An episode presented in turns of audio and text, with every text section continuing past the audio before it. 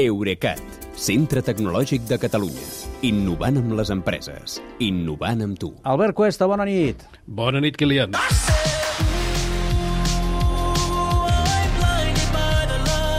Avui som una mica diferents, una mica més musicals, perquè això ja ho hem estat explicant a Catalunya Ràdio, ara tu ens ampliaràs l'explicació, perquè la discogràfica Universal reclama les plataformes de música a la carta, Spotify, Apple Music, que evitin difondre música creada amb intel·ligència artificial que hagi sigut entrenada amb cançons protegides per drets d'autor. Uh, Universal és amb Sony Warner un dels tres grans grups discogràfics del món i trobo curiós que s'estiguin adreçant a les plataformes de difusió uh, i no a les empreses com Google i OpenAI que són les que entrenen els algoritmes en música que no sol ser seva. Yeah. Uh, també et dic que potser ho van fer sense i no van tenir èxit, no els hi van fer cas, i ara uh, ho proven amb els serveis de streaming amb qui ja tenen una relació propera perquè són els seus clients. Clar. Uh, la veritat és que a mi em sembla lògic que si pots dir-li a l'algoritme que et faci una cançó nova amb una lletra de Taylor Swift cantada a l'estil de Bruno Mars i que soni a Harry Styles per citar un exemple del Financial Times amb artistes d'Universal Music aviam, aviam, aviam. Eh, com ho dius, això? Seria que això... It's a beautiful night. We're looking for something dumb to do. Hey, baby, I think I wanna marry you. sonés també una mica com això. Gravity's holding encara ens hi faltaria posar la Taylor Swift per acabar-ho de rodonir això, eh? Seria una mica que es podria fer la barreja que volguessis, deies, no? Uh, sí, i jo crec que si són barreges d'aquest estil, uh, els propietaris dels originals uh, n'haurien de treure alguna cosa. Clar. I, de fet, un dels algoritmes més potents de generació musical, que és el Music ML de Google, està entrenat amb 280.000 hores de música, però Google no el comercialitza precisament per no exposar-se a demandes sobre propietat intel·lectual. Uh, sí, com sigui, l'ús de material subjecte a copyright per entrenar algoritmes, que pot ser música, però també podrien ser articles de premsa, programes de ràdio, és un dels molts aspectes de la intel·ligència artificial que estan pendents de ser regulats. Doncs d'això seguirem parlant. Potser la música no hi tindrà res a veure, però ja que hi és, eh, quedem-nos amb ella, va. I have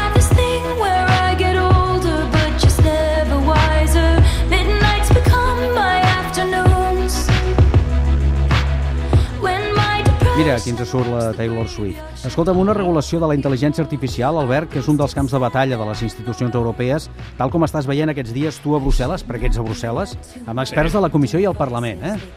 Sí, eh, sóc a Brussel·les, convidat per la Fundació Mobile World Capital i per l'oficina de la Comissió a Barcelona, i és per conèixer les iniciatives legislatives sobre transició digital, ciberseguretat, capacitació, semiconductors i, és clar intel·ligència artificial.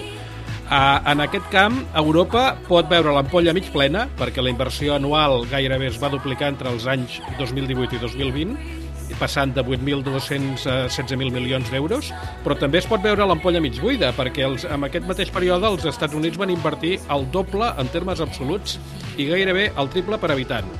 Uh, un dels motius d'aquesta diferència, uh, i no hem parlat de la Xina, és que Europa va lenta perquè per una banda, tot s'ha nego de negociar entre Comissió, Parlament i Consell però també va segura Europa, perquè igual que és la referència mundial en mercats i serveis digitals i en protecció de dades personals, també ho vol ser amb intel·ligència artificial. Per exemple, la regulació que es proposa ara contempla quatre nivells de risc dels algoritmes. Hi ha els de risc mínim, que no, calen, no necessiten cap restricció, els algoritmes de risc mitjà amb obligacions de transferència, com per exemple els chatbots, que si estan suplantant un humà cal que t'ho diguin, que ho estan fent, els de risc elevat que s'han d'aprovar prèviament, com els que es fan servir per contractar personal per, o els de diagnòstic, per fer diagnòstic mèdic, hi ha també algoritmes que suposen un risc inacceptable, que aquests estan prohibits a Europa. Eh, Posa exemples d'això.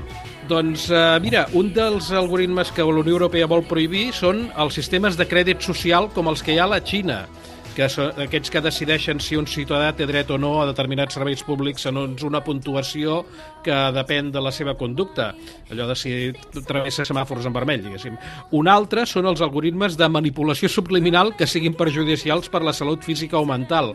Es veu que en algun lloc ja hi ha camions que reprodueixen en la cabina un so inaudible que fa que el conductor passi al volant més temps del que tocaria o també hi ha jocs que facin que un menor tingui comportament cada vegada més perillosos. I, naturalment, eh, pensem en el reconeixement facial indiscriminat en temps real amb espais públics. Vull dir que tothom que va pel carrer es compara amb una base de dades de, de la policia. Això a Europa només es permetrà en casos de risc terrorista o per capturar delinqüents. Doncs, per tant, fora d'excepcions, l'ús d'aquesta mena d'algoritmes està del tot prohibit. Encara, encara bo, diríem, eh? Encara bo, doncs, sí, efectivament. Gràcies i fins demà, que vagi bé. Bona nit, Kilian. Fins demà.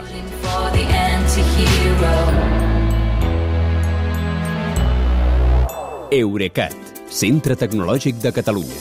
Innovant amb les empreses. Innovant amb tu.